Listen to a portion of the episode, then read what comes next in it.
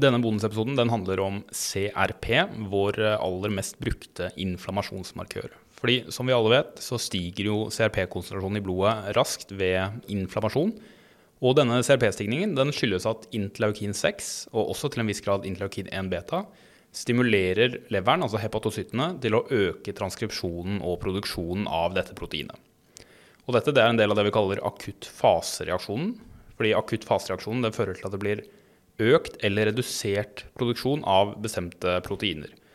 Og de proteinene det produseres mer av under akuttfasereaksjonen, sånn som CRP, de kalles positive akuttfasereaktanter. Og alle positive akuttfasereaktanter har en rolle i bekjempelsen av mikrober, og det er derfor i utgangspunktet hensiktsmessig at konsentrasjonen deres øker under akutt inflammasjon. Siden CRP er en positiv akutt fasereaktant, så betyr det at den har en, en eller annen rolle i bekjempelsen av mikrober. og Den kan bl.a. binde til overflaten av bakterier, og deretter til innate immunceller eller til komplementproteiner, som, som begge fører til at bakterien blir drept.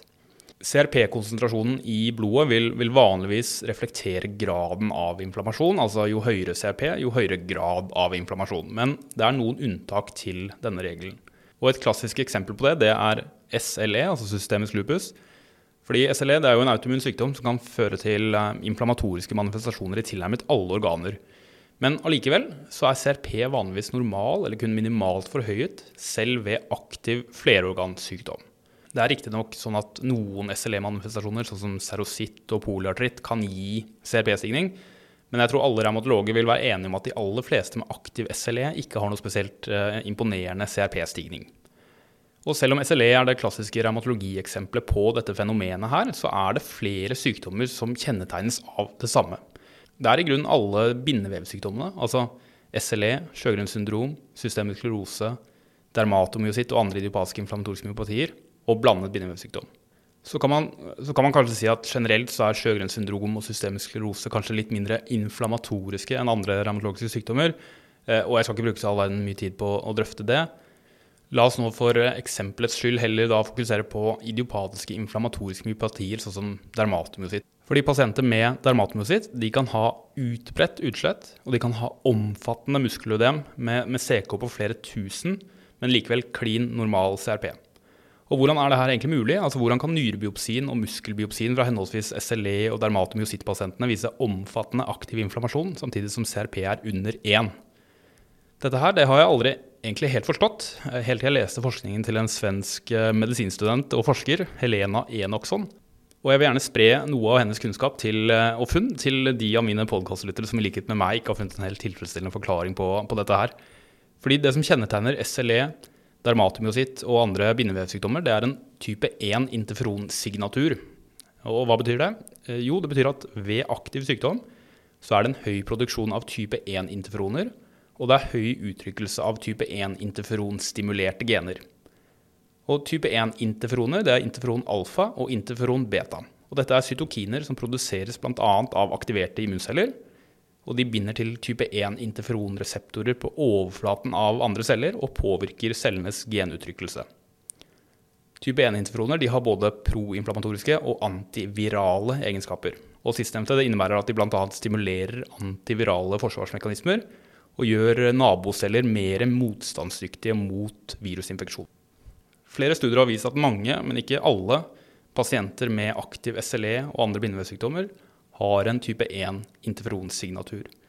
Disse pasientene har også gjerne høye nivåer av interleukin 6, men som sagt lav eller normal CRP. Altså til tross for høy interleukin 6 i blodet, så får de ikke den forventede CRP-stigningen. Som sagt så vil man jo normalt forvente at interleukin 6 øker hepatocyttenes transkripsjon og produksjon av CRP.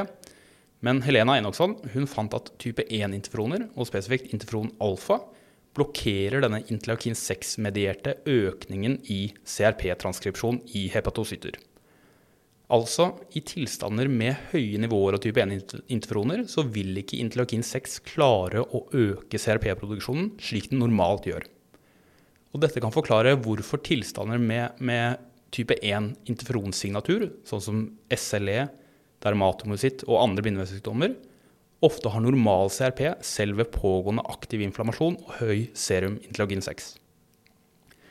Dette forklarer trolig også hvorfor virusinfeksjoner gir lavere CRP-stigning enn bakterielle infeksjoner, fordi immunsystemet produserer mye type 1-interferoner i møte med virus, nettopp pga. disse antivirale egenskapene som vi snakket om.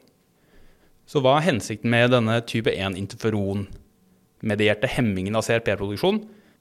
Det vet jeg ikke, men det, det, kan jo være et uttrykk for at CRPs funksjon i immunsystemet, med å binde noe og så binde til immunceller, kanskje først og fremst er effektivt i bekjempelsen av ekstracellulære bakterier.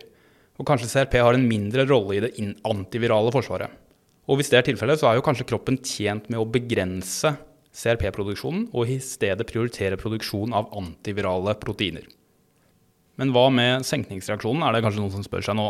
Eh, fordi ved, ved SLE og andre bindevevssykdommer så kan jo senkningen være forhøyet selv om CRP er normal. Og det her er ikke overraskende, fordi det er mange ting som, som påvirker senkningen. Eh, og senkningen er helt uavhengig av CRP. Og ting som fører til økt senkning, inkluderer jo ting som anemi og hypergammaglobulinemi. Og både anemi og hypergammaglobulinemi er jo vanlig ved aktiv SLE, som forklarer hvorfor senkningen ofte er forhøyet, selv om da CRP-stigningen begrenses av type 1-interferonene. Ok, så type 1-interferoner begrenser interleukin 6-mediert oppregulering av CRP under akutt fase-reaksjonen. Og det er hovedpoenget med denne episoden, som altså da kan forklare hvorfor disse tilstandene med en type 1-interferonsignatur ikke gir like imponerende CRP-stigning selv ved aktiv flerorgansykdom. Det, det, siste jeg vil si, det er for ekstra spesielt interesserte lyttere. Men det er nemlig sånn at eh, hvis man går litt dypere i dette her, så, så virker det som at sammenhengen mellom CRP og akkurat SLE kanskje er enda mer kompleks enn bare disse type 1-interferonene. Fordi som sagt så kan jo CRP binde til ting, bl.a. Eh, bakterier. Eh, CRP kan også binde til apoptotisk materiale og immunkomplekser og fremskynde eller fremme deres eliminasjon. Og I tillegg kan CRP aktivere komplementsystemet, og aktiverte komplementproteiner bidrar i seg selv også til eliminasjon av apoptotisk materiale. Og det er velkjent at forsinket eller unormal eliminasjon av apoptotisk materiale spiller en veldig viktig rolle i patofysiologien ved SLE. Eh, F.eks. så har personer med genetisk mangel i visse komplementproteiner en veldig økt risiko for å utvikle SLE. Og Av denne grunn så kunne man jo tenke seg at genetiske varianter som begrenser CRP-produksjonen, også kan legge til rette for SLE-utvikling. For det, det, finnes nemlig en polymorfisme i dette CRP-genet som kalles RS1205, eh, som fører til at en person har lavere habituale nivåer av CRP og en lavere stigning i CRP ved interleukin 6-mediert stimulering. Og dette er uavhengig av type 1-interferonene. Det er bare genetisk betinget begrensning i CRP-produksjon. Og det viser seg at denne polymorfismen i CRP-genet er overrepresentert hos SLE-pasienter. Og I en studie med 57 SLE-pasienter så fant Helena Enoksson da pasienter som hadde både denne CRP-polymorfismen og en type 1-interferonsignatur, og ingen av de hadde en CRP over 3,6. Hvis man skal oppsummere denne delen av denne episoden for SLE, så er det det at genetisk betinget lav evne til CRP-produksjon kan fremme utvikling av SLE, fordi det kan påvirke eliminasjon av apoptotisk materiale. Disse pasientene vil da eh, kunne utvikle SLE med da gjerne en type 1-interferonsignatur som forhindrer interleukin 6-mediert oppregulering av CRP ytterligere. Takk for at du hørte på.